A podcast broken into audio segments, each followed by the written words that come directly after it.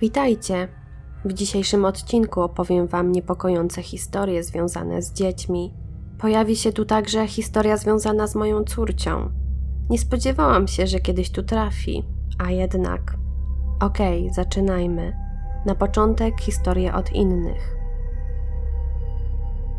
Pewnej nocy moja czterolatka obudziła mnie i podczas rozmowy nagle powiedziała: Jeśli kiedyś bym cię zamordowała, powiedziałabym policji, że zrobił to tatuś.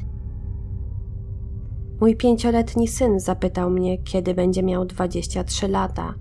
Odpowiedziałam, że za 18 lat.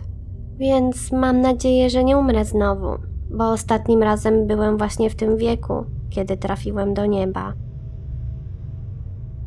Pewnego razu rozmawiałam ze znajomą przy jej trzyletniej córci o śmierci mojego kotka.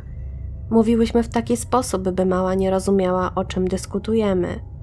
Jej córeczka nagle niespodziewanie wtrąciła się do rozmowy i powiedziała: Jest okej, okay, Jen.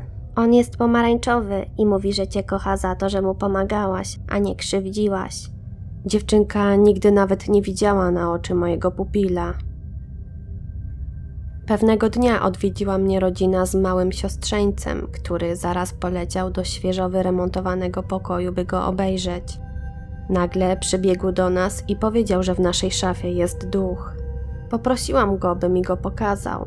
Kiedy otworzył drzwiczki, spodziewałam się, że zobaczę coś, co mogłoby przypominać ducha, na przykład jakieś białe ubranie, lub malec za chwilę powie mi, że żartował. Jednak on wpatrywał się w pusty środek szafy, wodząc oczami za czymś niewidzialnym, co usilnie próbował wskazać mi palcem. Jednak niczego nie zobaczyłam.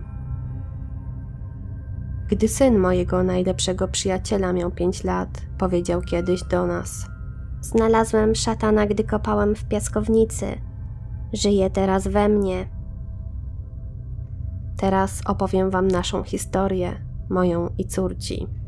Aktualnie moja córka ma dwa i pół roku.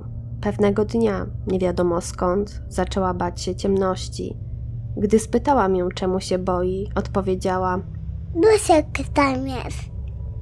Uprzedzając pytania, nie mam pojęcia skąd to wytrzasnęła. Oczywiście widziała duszki w bajkach czy sklepach jako przyjazne, uśmiechnięte białe obłoczki, ale nikt nie tłumaczył jej, czym w ogóle jest duszek więc na pewno nie powinna się go bać. Próbowałam wypytywać córci, jak wygląda ten duszek. Nie chciała zbyt wiele o nim mówić. Dowiedziałam się jedynie, że jest duży. Niedawno nawet sama z siebie go narysowała. Oczywiście póki co jej zdolności plastyczne na wiele nie pozwalają, ale wrzucam wam zdjęcie jej rysunku. Akcja z duszkiem trwa już ze dwa miesiące, Ostatnio o wiele mniej o nim mówi, lecz nadal boi się ciemności. Mam nadzieję, że to tylko jej wyobraźnia, choć to nie pierwsza nasza podejrzana historia. Pewnego dnia mój trzyletni synek powiedział: Dzisiaj będą urodziny siostrzyczki. Rzeczywiście, tego samego dnia, tylko pod wieczór, musiałam jechać do szpitala, bo nagle rozpoczęła się akcja porodowa i na świat przyszła jego siostra. Pewnego dnia rozmawiałam z teściową o jej kotce, którą trzeba było wkrótce uśpić ze względu na jej bardzo zły stan zdrowia. Nagle przyszedł do nas mój syn i zapytał: Czemu po prostu jej nie podpalicie? Po poważnej rozmowie okazało się, że mały myślał, że tak właśnie działa kremacja. Nie rozumiał, że najpierw osoba bądź zwierzę musi już nie żyć, zanim rozpocznie się proces spalania. Kiedy mój najmłodszy syn miał trzylatka, pewnego dnia jechaliśmy przez rzadko uczęszczaną część miasta. Synek wskazał nagle palcem na jeden z domów, obok którego właśnie przejeżdżaliśmy, i powiedział: Tu mieszkała moja pierwsza mamusia, kiedy byłem małą dziewczynką. Nie była dla mnie miła. Bałem się jej. Cieszę się, że teraz to ty jesteś moją mamusią. Mój syn mówił o tajemniczym świetle przed ciemnością, odkąd pamiętam. Nie jesteśmy chrześcijanami, nie miał kontaktu z religią, kiedy się to zaczęło, ale zawsze upierał się, że pamięta ciepłe, jasne światło, zanim się urodził. Gdy miał jakieś trzy latka, powiedział mi z dużą pewnością siebie, że najpierw jest jasno, a potem ciemno, kiedy się rodzisz. Poprawiłam go, że raczej wygląda to odwrotnie, jak już coś.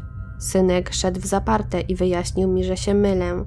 Według niego najpierw jest ciepłe, jasne światło, potem przejście w ciemność, a następnie nowe, zimne światło i jakieś szaleństwo. Dodał też, że pewnego dnia wszyscy wrócimy do pierwszego światła. Na dziś to już wszystkie historie. Jeśli chcielibyście posłuchać więcej tego typu opowieści, to zapraszam na poprzednie odcinki z tej serii. Wpadajcie również na mojego Instagrama. Link znajdziecie w opisie. Do usłyszenia w kolejnym odcinku.